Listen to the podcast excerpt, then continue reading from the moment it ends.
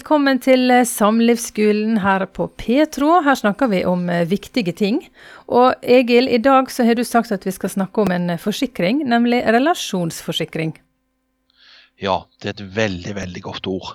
Det bygger litt på det vi snakker om hele veien her. Det er å være, ha lyset på og elske aktivt.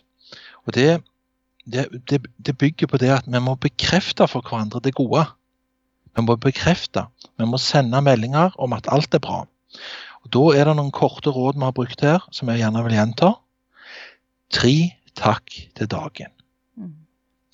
Jeg vil nesten sagt at den som takker hver dag, lever lenger. Tre takk til dagen. Det vil si å sette ord på at den andre er en velsignelse. At man setter pris på det den andre gjør for fellesskapet. Det kan jo være oppgaver av alle slag. At man kan sette pris på egenskaper.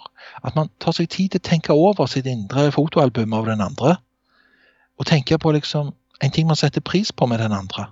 Akkurat i dag. Eller noe fint ifra i går. Dette anbefaler jeg veldig. For min del, nå er jeg enkemann, men en gang var jeg gift, og da pleide vi å ha sånn før, en halvtime før ungene sto opp, så pleide vi å ha ei takkestund. Og det er en god ting. Du, du, får med deg det gode fra i går, hva du setter pris på.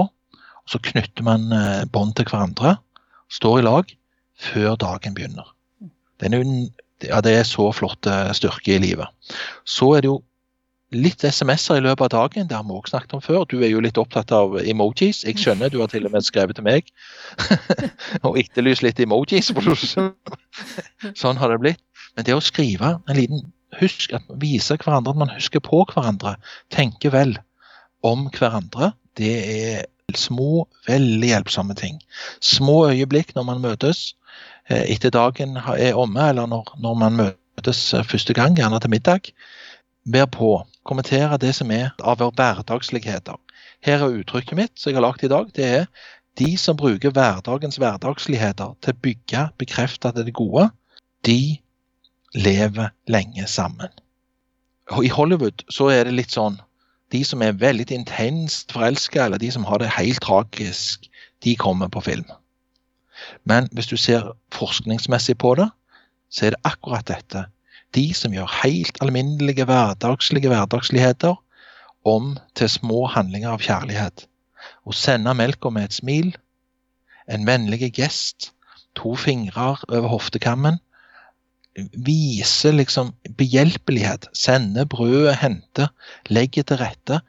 Sånne ting, det kjennetegner par som lever lenge sammen. Det å komme og si sånne ting som at dette er deilig med et strøken kjøkken, eller du behandler ungene så fint, eller det var rørende å se deg sammen med, og takk, og hva jeg føler for håret ditt. Det er så fine du er. Det er gode, gode ting.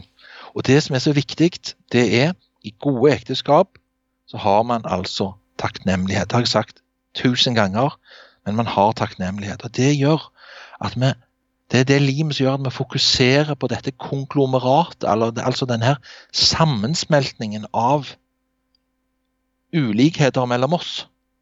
Vi fokuserer på det vi har. Mm. Det er en at det er det som er på en måte limet og styrken. At vi ikke tar det gode mellom oss for gitt, holder fast i det. Og da ser vi ting på en lysere måte. Vi erfarer livet mye mer positivt eh, enn hvis vi begynner å tenke på alt som skiller, alt som bare lager avstand, alt som er feil. Så sånn er det. Den som krever og klager og slåss uten å ha trygghet i at man har en full kjærlighetstank, den er i mer trøbbel. Den som vet at man fyller på med kjærlighet hele tiden, og bekrefter og holder på, den har det lettere for å dele det som er vanskelig. Mm.